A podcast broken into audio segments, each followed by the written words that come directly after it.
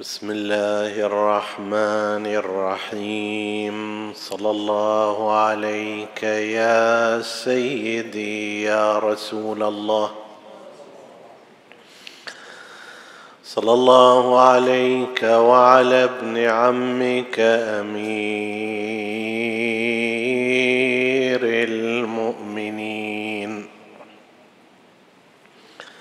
وإمام المتقين. صلى الله عليك يا سيدي ويا مولاي يا أبا محمد. الحسن بن علي الناصح الأمين. صلى الله عليك يا سيدي يا أبا عبد الله الحسين. ما خاب من تمسك بكم وأمن من لجأ إليكم. يا ليتنا كنا معكم. فنفوز فوزا عظيما. قال سيدنا ومولانا رسول الله صلى الله عليه وآله فيما روي عنه ألا أدلكم على خير الناس جدا وجده الحسن والحسين جدهما رسول الله وجدتهما خديجة بنت خويلد. ألا أدلكم على خير الناس أبا واما؟ الحسن والحسين أبوهما علي بن أبي طالب وأمهما فاطمة بنت محمد. ألا أدلكم على خير الناس عما وعمه؟ الحسن والحسين عمهما جعفر بن أبي طالب. وعمتهما أم هاني بنت أبي طالب. ألا أدلكم على خير الناس خالا وخاله الحسن والحسين خالهما القاسم ابن رسول الله وخالتهما زينب ابنة رسول الله. أيها الناس ألا وإن الحسن والحسين في الجنة وجدهما وجدتهما في الجنة وأباهما وأمهما وعمهما وعمتهما وخالهما وخالتهما في الجنة ألا ومن أحبهما فهو في الجنة. صلوا على محمد وآل محمد.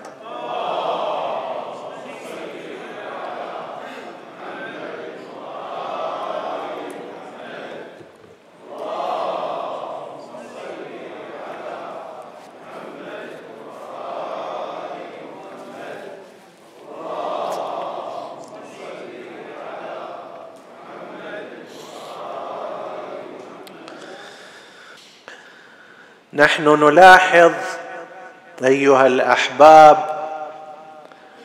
أن موقعية الإمام الحسن وحضوره في الذاكرة الشعبية عند المؤمنين وفي الممارسات ليست بمستوى مكانته ومقامه. يعني مقام الإمام عليه السلام ومراتبه أعلى بكثير من ممارساتنا نحن في الاحتفاء بالإمام سلام الله عليه. بالرغم من أن هناك خطوات جيدة خلال هذه الثلاثين سنة قد تم خطوها فيما يرتبط بالإمام الحسن السبطي عليه السلام من أجل زيادة حضوره في أذهان الناس وفي أفكارهم. من ذلك مثلا المؤلفات التي ذكرت سيرته.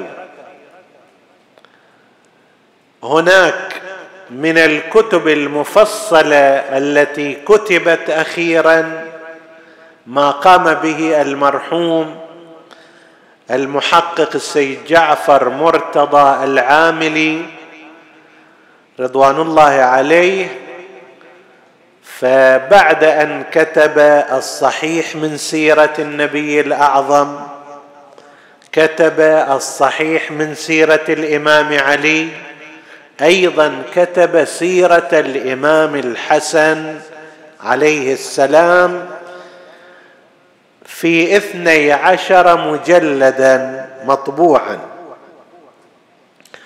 وتلاه أيضا اثنان من علماء جبل عامل شيخ جعفر عتريس وشيخ أحمد قبلان فكتبا كتابا بعنوان الإمام الحسن ثاني الثقلين في خمسة عشر مجلدا. وهذا الجهد العلمي والثقافي لا ريب أنه جهد مقدر في التعريف بالإمام الحسن المجتبى عليه السلام. العتبة الحسينية أيضا من جهتها أسست مركزا للدراسات التخصصية فيما يرتبط بمواضيع سيرة الإمام الحسن وما يتصل بها اسمه مركز الإمام الحسن مركز الإمام الحسن للدراسات التخصصية تحت إشراف وإدارة وتمويل العتبة الحسينية في علماء فيه محققون فيه مؤلفون يكتبون قضايا الإمام الحسن وقد أصدروا عددا جيدا من الكتب المرتبطة بحياته صلوات الله عليه. هذه الجهود جهود طيبة ولكن لا تزال شخصية الإمام الحسن عليه السلام لم تأخذ مكانها المناسب لها في أذهان المؤمنين يعني شخصيته أكبر بكثير من هذه المكانه التي هي موجودة في نفوس المؤمنين. لذلك نلفت النظر ونذكر وإن كان بعض ما نقوله يعمله المؤمنون ولكن هذا من التذكير. نرى أن من الضروري أن يتم العناية بشؤون الإمام عليه السلام بدءا مثلا بزيارته لا سيما بالنسبة إلى المؤمنين الموجودين في داخل البلاد. كيف أن الناس ينطلقون إلى زيارة الإمام الحسين عليه السلام في يوم الأربعين ونعم ما يصنعون. جزاهم الله خيرا. بالملايين داخل العراق من خارج العراق مشيا على الأقدام. غير ذلك لزيارة الإمام الحسين ويستحق الإمام هذا بلا ريب. لو أن المؤمنين ولو على مستوى أهل المنطقة الذين لا يحتاجون إلى إجراءات استثنائية يصنعون موسم زيارة للإمام الحسن المجتبى مثلا في ذكرى شهادته. وقد صنعها بعضهم هذه الأيام. قسم لا بأس به من المؤمنين من العلماء من المشايخ. ذهبوا للزيارة زيارة رسول الله صلى الله عليه وآله وزيارة فاطمة الزهراء وزيارة الإمام الحسن المجتبى وأئمة البقيع.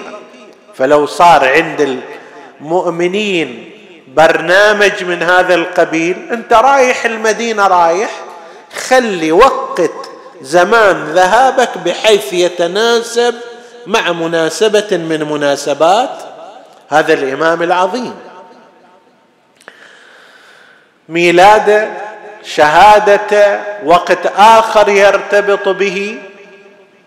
هذا مهم جدا مجرد أنك تقصد الإمام الحسن المجتبى وتعنون زيارتك بأنها الدافع لها زيارة الإمام الحسن وأنت راح تحصل أيضا باقي الزيارات. وباقي الثواب ويكون أجرك على رسول الله وعلى أئمة الهدى عليهم السلام. أمور أخرى مثلا أمور تبليغية في أيام الإمام الحسن. ماذا لو أن بعض المؤمنين قربة إلى الله تعالى أخذ كتابا من الكتب التي تتحدث عن الإمام الحسن وشخصيته ونشرها في ذكرى شهادته في ذكرى ميلاده في مناسبة من هذه المناسبات. تعمل عادة قراءة وتعزية ومحاضرة وهذا شيء طيب لكن لو تقدمنا خطوة إلى التعريف بذلك المعنى هذا شيء حسن وطيب. التسمية حضور الاسم الإمام الحسن ليس بالمقدار الذي يستحق. ربما قد تجد مثلا من بين عشرات المساجد فد مسجد واحد باسم الإمام الحسن. من بين عشرات الحسينيات فد حسينية باسم الإمام الحسن. وهذا المقدار لا يعد مقدارا كافيا. فنحن ننصح ونوجه ونذكر بالجانب الاجتماعي الذي ينتهي إلى استحضار شخصية الإمام الحسن المجتبى عليه السلام وتذكره وما شابه ذلك ولعل قسما من المؤمنين يعملون ما ذكرنا. جزاهم الله خيرا. ولكن ما يعملونه وما نعمله وما يعمله غيرنا هو أقل مما ينبغي لهذا الإمام العظيم. سلام الله عليه. مراتب الإمام الحسن ومنازله ومقاماته كثيرة جدا. نحن نقتصر على قسم منها بعد الصلاة على محمد وآل محمد.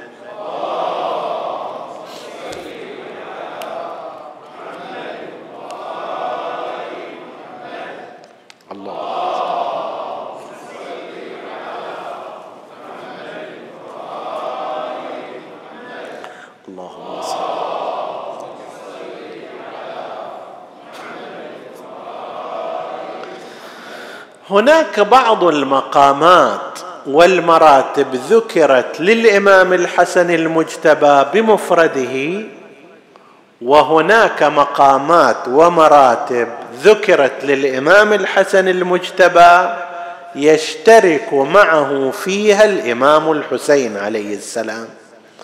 وهذه الأحاديث اللي تذكرهم مشتركين لها سر وفلسفة خاصة سنتعرض إليها فيما بعد. أول ما نتعرض إليه ما جاء من الروايات عن رسول الله صلى الله عليه وآله في خصوص شخصية الإمام الحسن. من الروايات المشهورة بالذات في مصادر مدرسة الخلفاء. وهذا له نتائج مهمة. ليش؟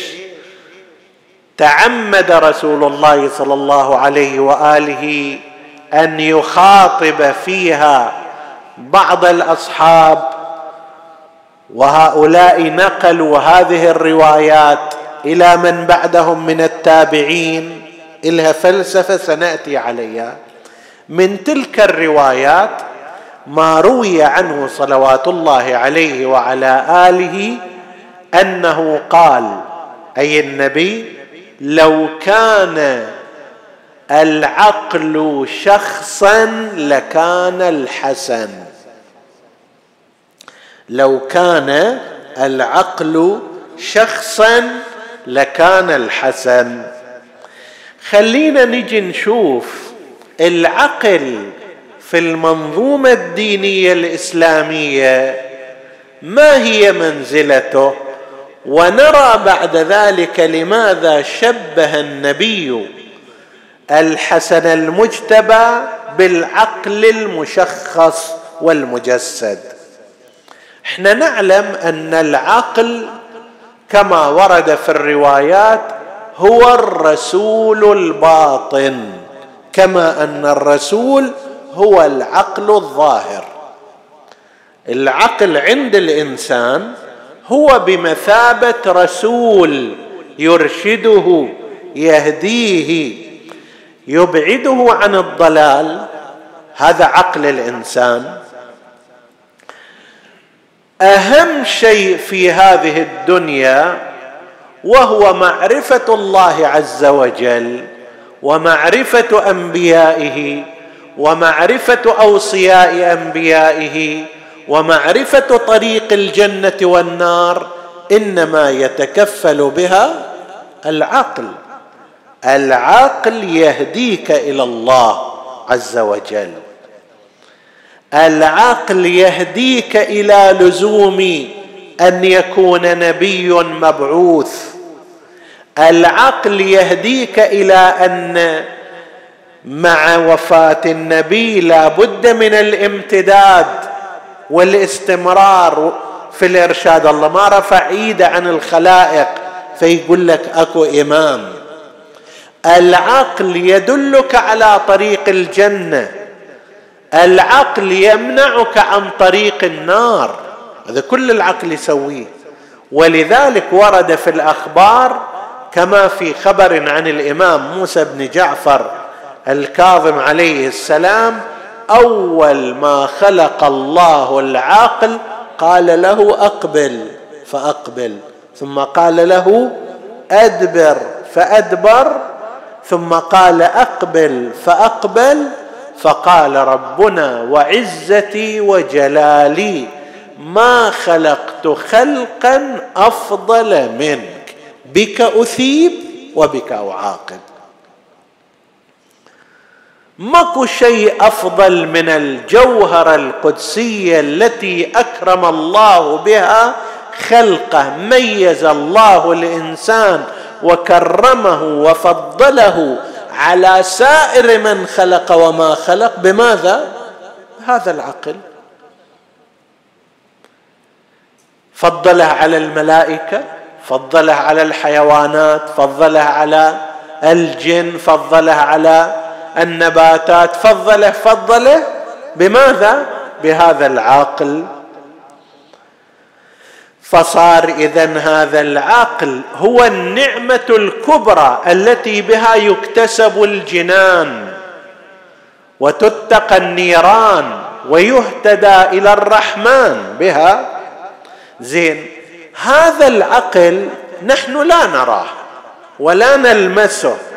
ولكن نعرف أنه موجود ونتحسس آثاره. لو فرضنا لو فرضنا صار هناك برنامج اللي هذا العقل يتحول فيه إلى شيء مجسد إلى شيء خارجي.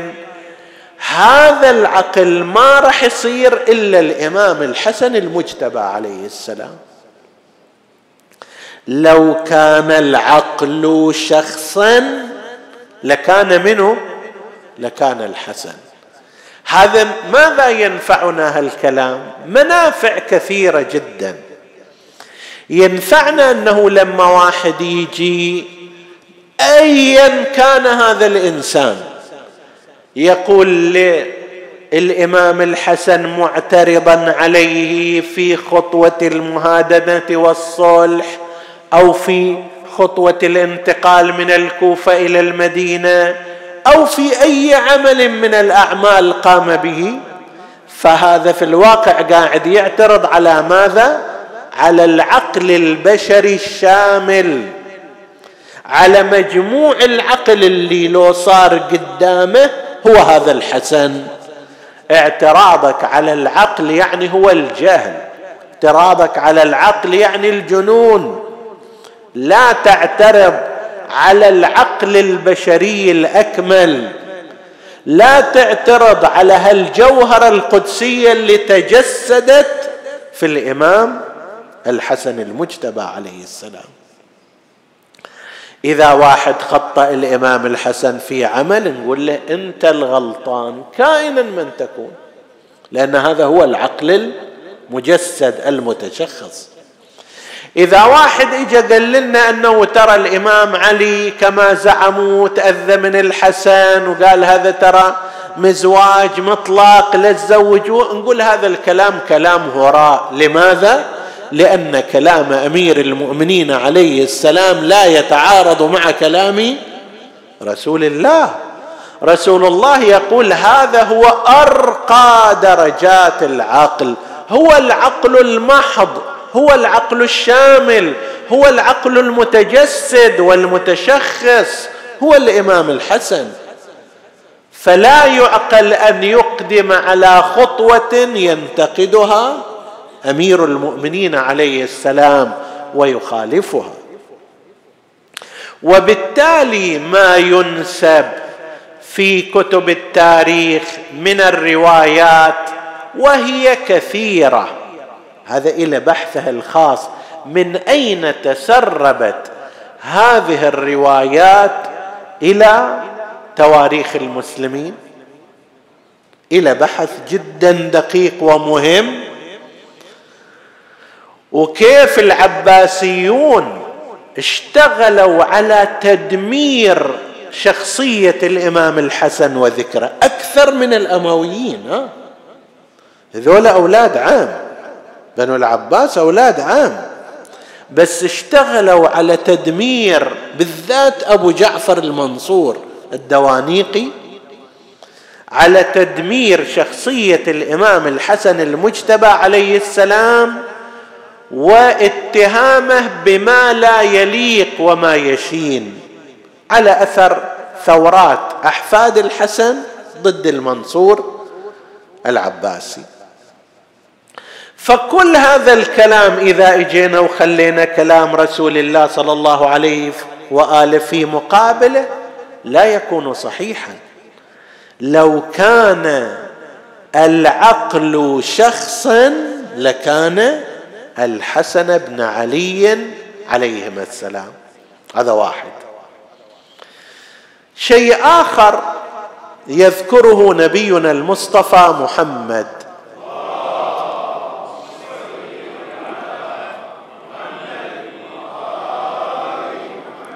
وهو قضية أنه سيد إن ابني هذا سيد. وفي روايات مدرسة الخلفاء تتم به يصلح الله بين فئتين من المسلمين. السيادة لها مقومات. السياده مو المقصود يعني من بني هاشم لأن الحسن وغيره من بني هاشم فمو ميزة الحسن هذه الخاصة. وإنما السيادة والسؤدد تقدر تقول في هذه الأيام ما يرتبط بها من المهابة من السؤدد من القيادة ما يسمونه الكاريزما الشخصية. هذه كلها تنطوي تحت ظل موضوع السيادة. إن ابني هذا سيد. وإذا كان سيد وفي رواية عندنا أن فاطمة عليها السلام لما قربت الوفاة من أبيها رسول الله صلى الله عليه وآله قالت له يا ابه هذان ابناك فورثهما منك. انحلهما شيء. طبعا مقصود هنا شيء معنوي مو شيء مادي. فقال أما الحسن فله هيبتي وسؤددي وأما الحسين فله شجاعتي وجودي. الامام الحسن عليه السلام إله المهابة مالتي والسؤدد سيادة. المهابة مرة تكون على أثر أن وراك جنود اللي يحكي حكاية يخبطونه. وراك جماعة اللي ما تتوخر عنه يسجنوك. ومرة أخرى لا ما عنده الشكل ولكن حضوره حضور هيبة حضور شخصية مؤثرة هذا كان عند الحسن موجود حتى قيل وهذا هم من روايات غير مدرسة أهل البيت أنه ما كان بعد رسول الله صلى الله عليه وآله أحد أكثر هيبة من الحسن بن علي. فقد كان يجلس في الطريق يعني على حاشية الطريق فينقطع الماره خلاص من مهابة الإمام الحسن عليه السلام يتوقفون. خلاص إلى أن يقال له في ذلك أنه يا أبا محمد ترى الطريق انقطع. فيقوم وينصرف. ما كانت شخصيته عادية.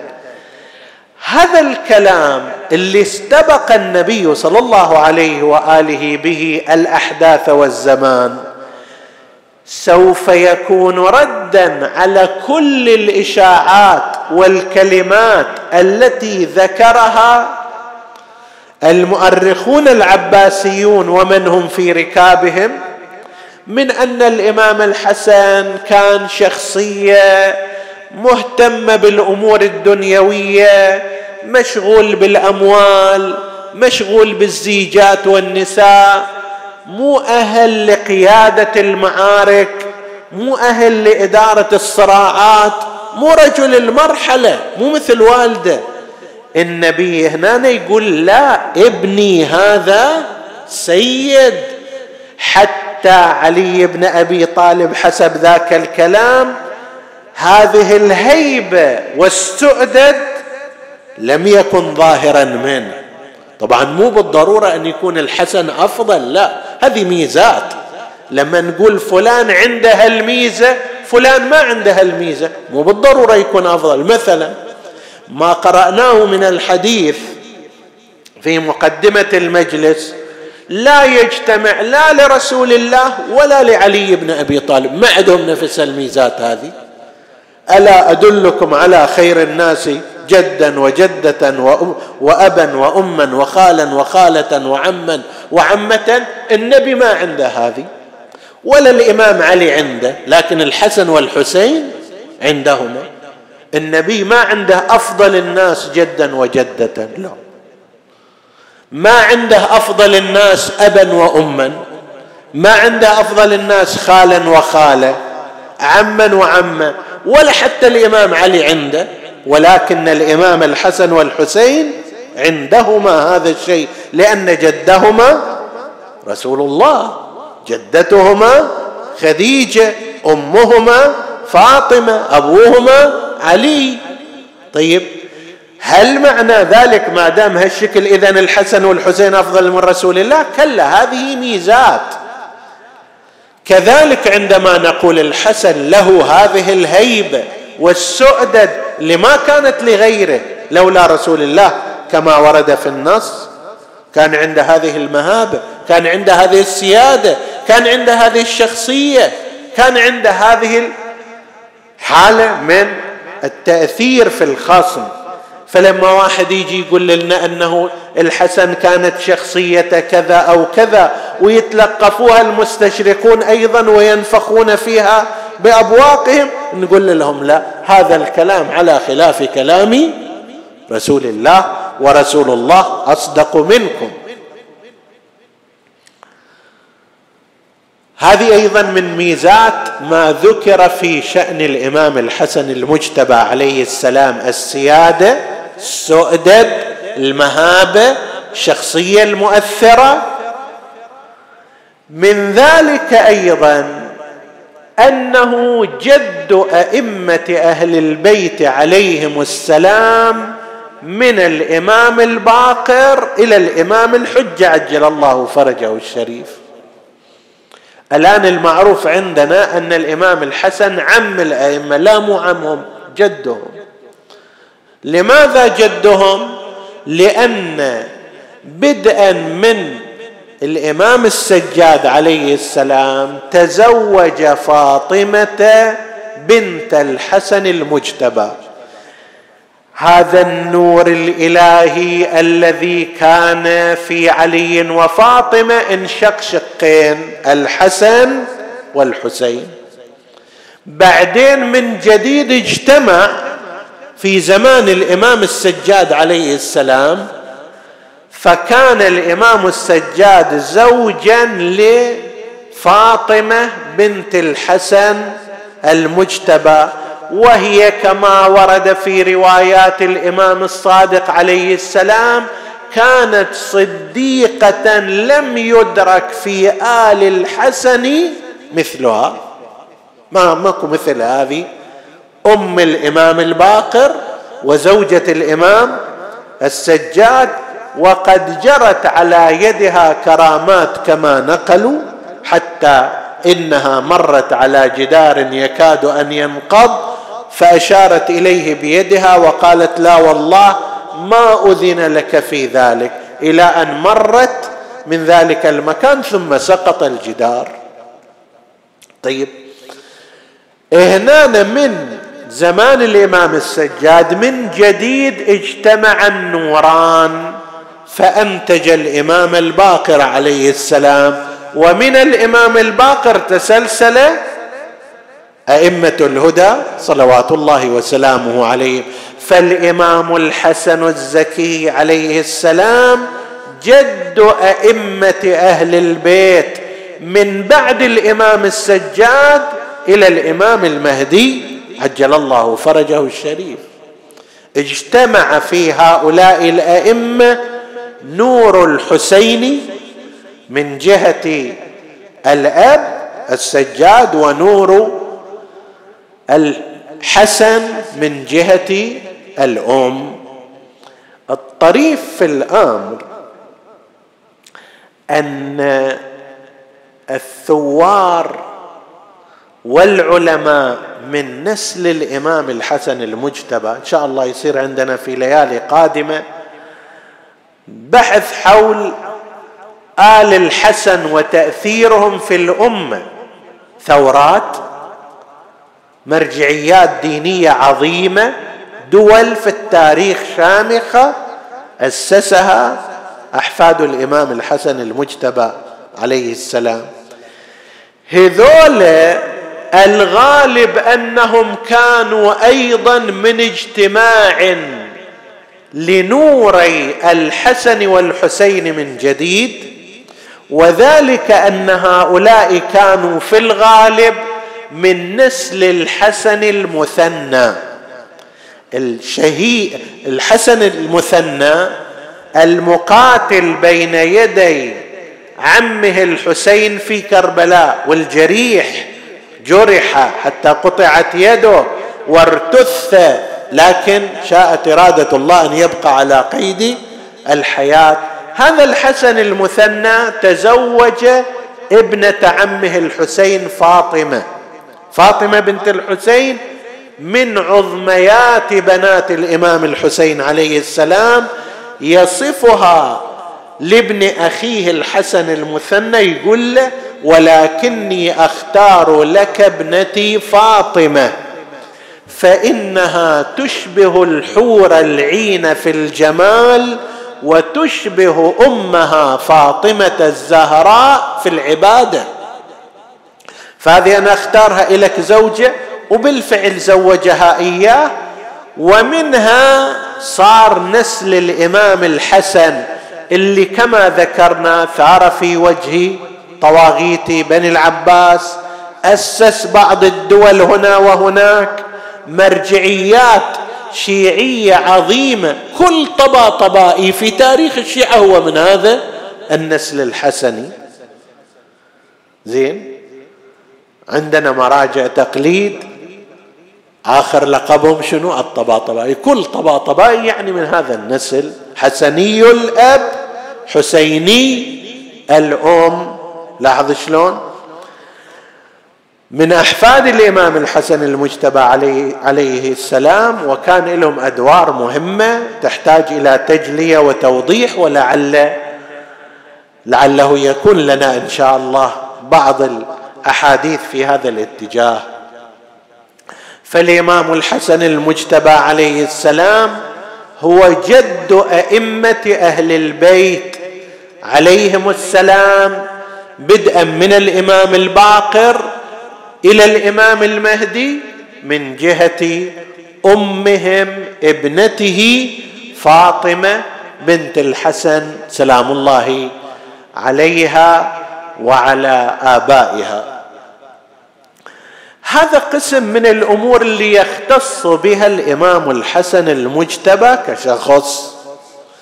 أكو بعض الأحاديث والروايات فيها اشتراك بينه وبين الإمام الحسين عليه السلام وباعتبار أنه هو الأول هو المتقدم. الإمام الحسن هو أول إمام بعد علي أول إمام معصوم بعد علي هو الإمام الحسن. أول ولادة بين خط النبوة وخط الإمامة هو الإمام الحسن عليه السلام. مقام الإمامة العظمى مقام العصمة الكبرى كانت لهذا الإمام العظيم سلام الله عليه. بالإضافة إلى ذلك ما تشارك فيه الإمام الحسين مع أخيه الحسن المجتبى مما عبر عنه رسول الله في أحاديث يأتي فيها بالتثنية. مثلا هما ريحانتاي من الدنيا. كيف أن الإنسان يأنس بالريحانه العطرة وتستروح نفسه إليها؟ كذلك الحسن والحسين ريحانتا رسول الله. هما سبطاي. هما سبطاي. الحسن والحسين سيدا. شباب أهل الجنة. هناك يقول إن ابني هذا سيد بالمنظور الدنيوي المباشر.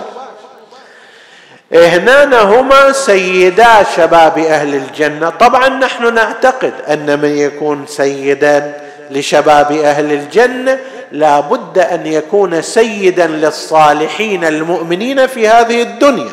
صحيح ولا لا؟ لأن أهل الجنة لا يكونون إلا من الصالحين. فمن يكون سيدهم هناك لا بد أن يكون سيدهم هنا. في الدنيا يصير فيها تزوير وتغيير وهذا يقدم الأموي وهو مؤخر ويؤخر العلوي وهو مقدم لكن في الجنة ما يصير هذا. ويتبين أن المقدمة هناك لو كانت الموازين موازين عدل في هذه الدنيا كان أيضا يقدم فيها. فالحسن والحسين سيدا شباب أهل الجنة. زين لماذا يعبر نبينا المصطفى محمد؟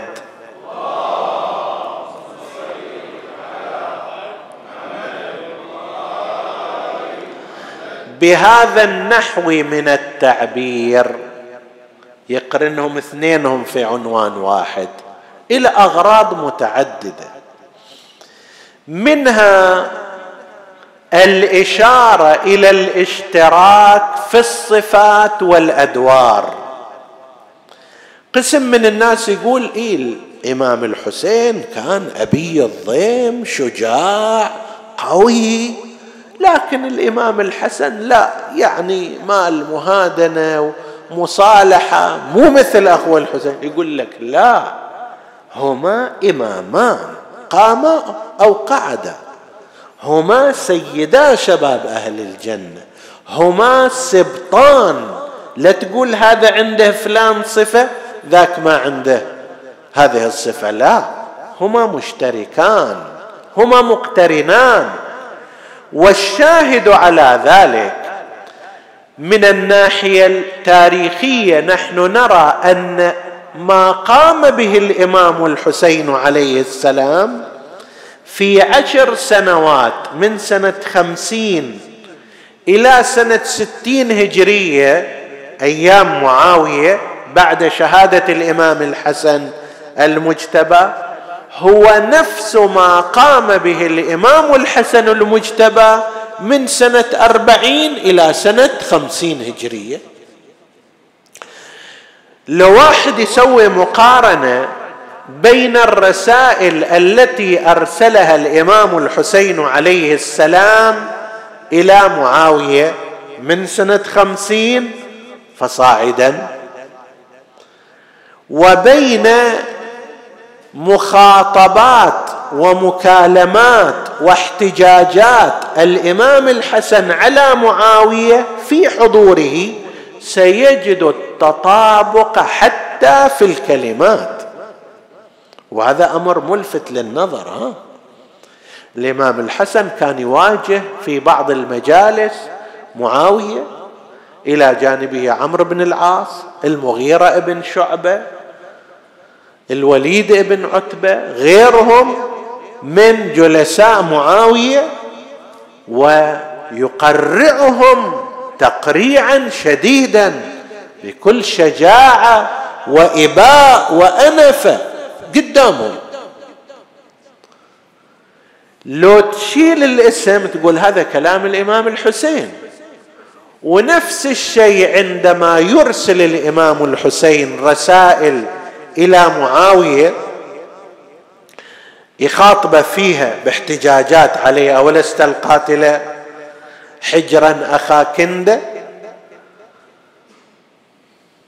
ويتكلم معاه بهالمنطق هذا تجد نفس أنفاس الإمام الحسن موجودة هنا. ولو شلت شلت الاسمين من الموقعين يتبين لك الكلام نفس الكلام والاتجاه نفس الاتجاه. هما إمامان. هما متكلمان بنفس المنطق بنفس اللغة حاملان لنفس الصفات. لكن هذا اقتضى منا بعض الظروف الخاصة تبعا لتغير الأزمنة وذاك لم تتغير حاله الزمنية عنده. فإحنا نعتقد أن طريقه تعبير النبي صلى الله عليه وآله عنهما بعنوان واحد يشير ذلك إلى أن الإمام عليه السلام إلى أن النبي عليه السلام يريد الإشارة إلى اشتراكهما في الأدوار في الأعمال في الصفات في الملكات وأنه لا يختلف هذا عن ذاك.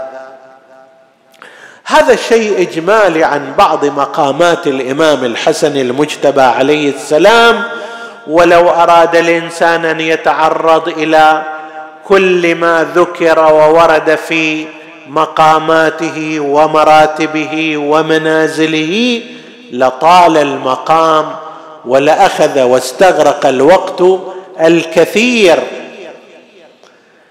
لكن بهذا المقدار نكتفي فيه. من هنا يتبين لنا لماذا أقدم معاوية بن أبي سفيان على سم الإمام الحسن المجتبى عليه السلام.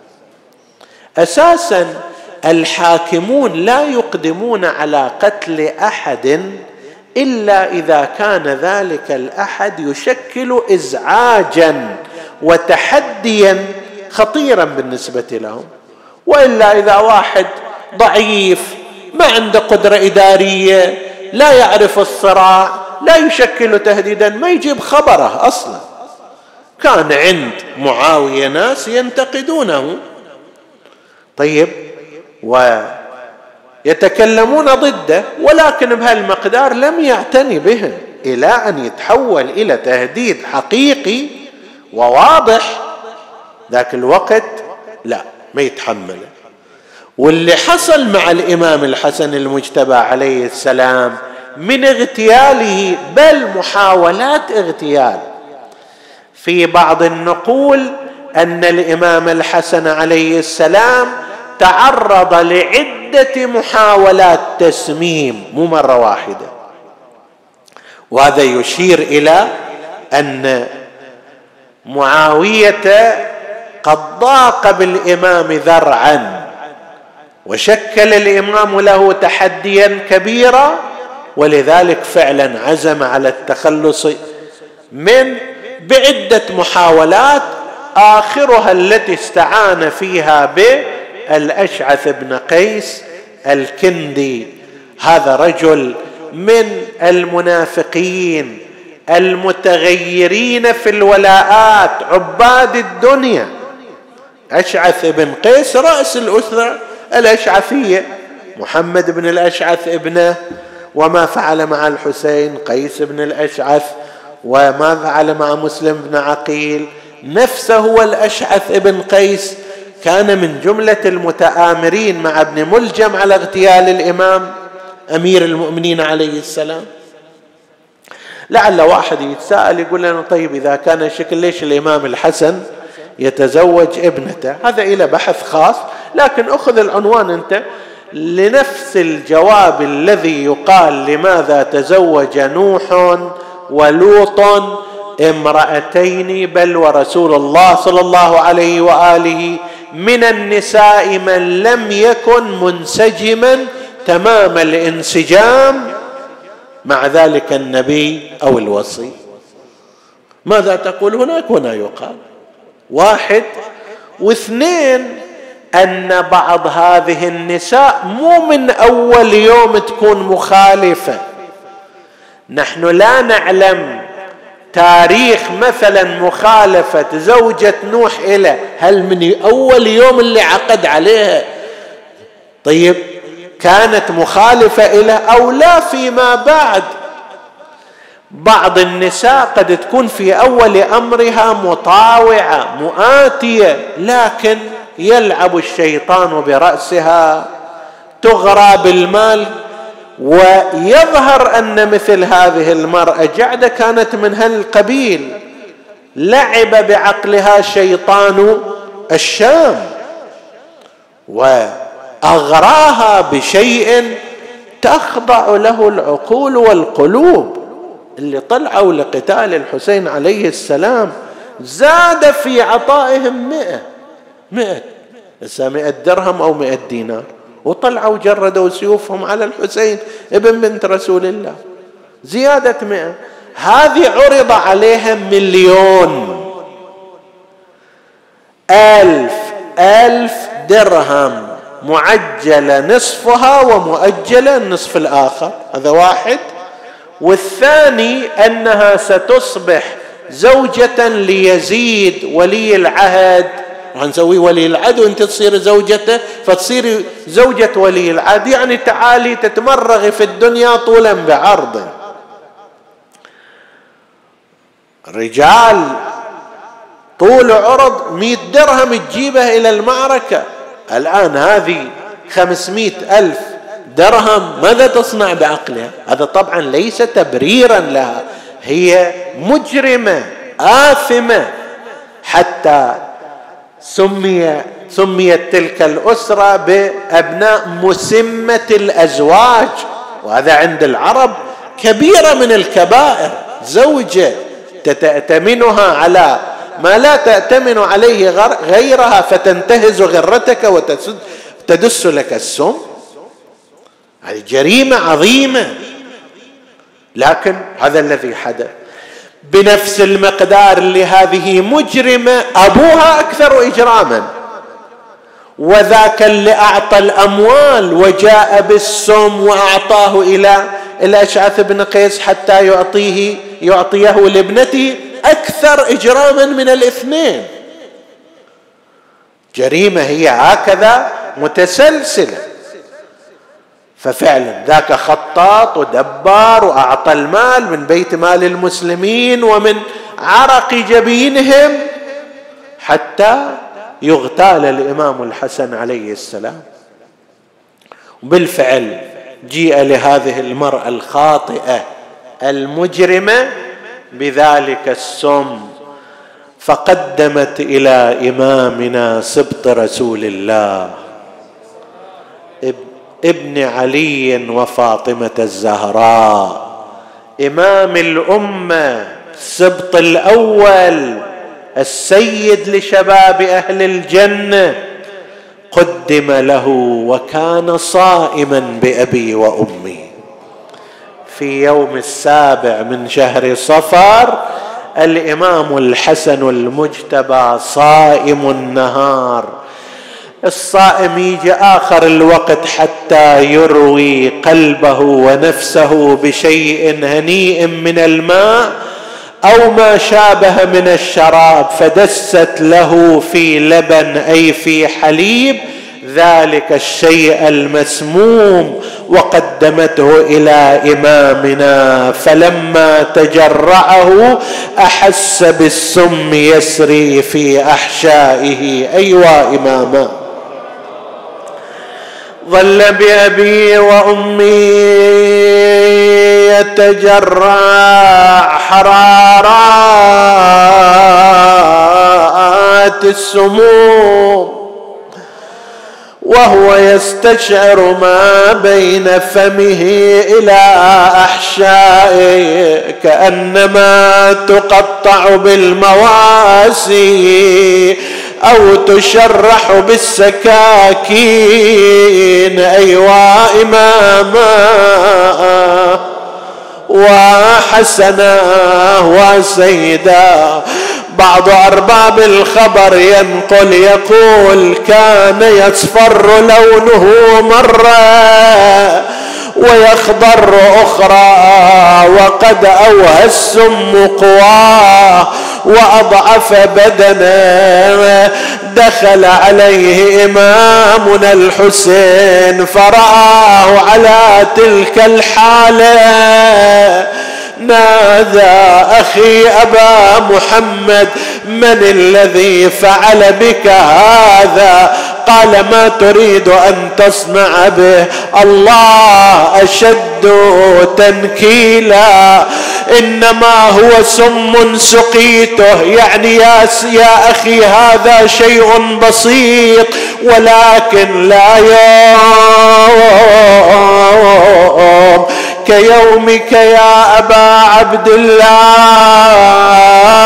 يزدلف إليك ثلاثون ألفا فيقتلونك عطشانا. ظمآنا مريبا قال أرباب الخبر بينما هم كذلك والحسن يتقيأ من أثر ذلك السوم وإذا بالباب تطرق قال الحسن أخي أبا عبد الله ارفع الطاش هذه أختك زينب.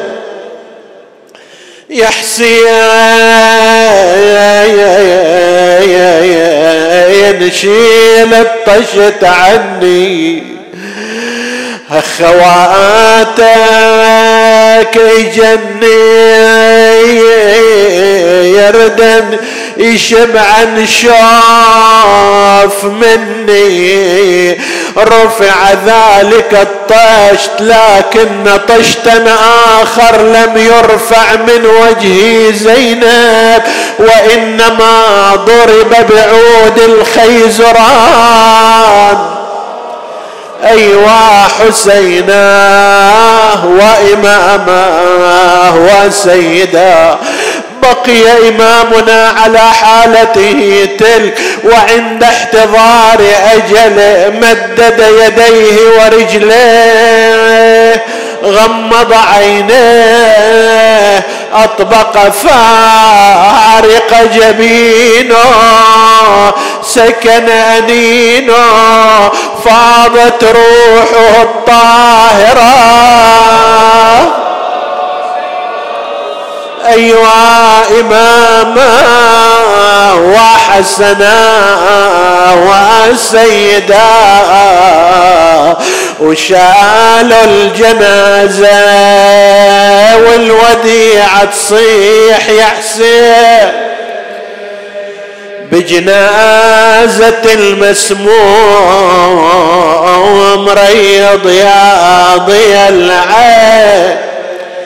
ريض يا ابو سكنة بجنازة حلو الأطبايا. وعرج بتابوته علي مكسورة ال خلى على الرضا. وخلنا نجدد ودا. ريض يا خويا ذابت قلوب النساء. عرج على قبر البتول ابن عشبنها وقبره يا خويا لا تحفر بعيد عنها. حفرة بكترها بالكتي يهود حزب نسألك اللهم وندعوك باسمك العظيم الأعظم الأعز الأجل الأكرم يا الله. اغفر لنا ذنوبنا. كفر عنا سيئاتنا. آمنا في أوطاننا لا تسلط علينا. من لا يخافك ولا يرحمنا ولا تفرق بيننا وبين محمد وآله طرفة عين. احفظ اللهم إخواني الحاضرين والسامعين فردا فردا. اقض اللهم حوائجهم واشفي مرضاهم. من أوصانا بالدعاء في حاجة اللهم اقضها يا قاضي الحاجات. وتقبل اللهم عمل المؤسسين بأحسن القبول.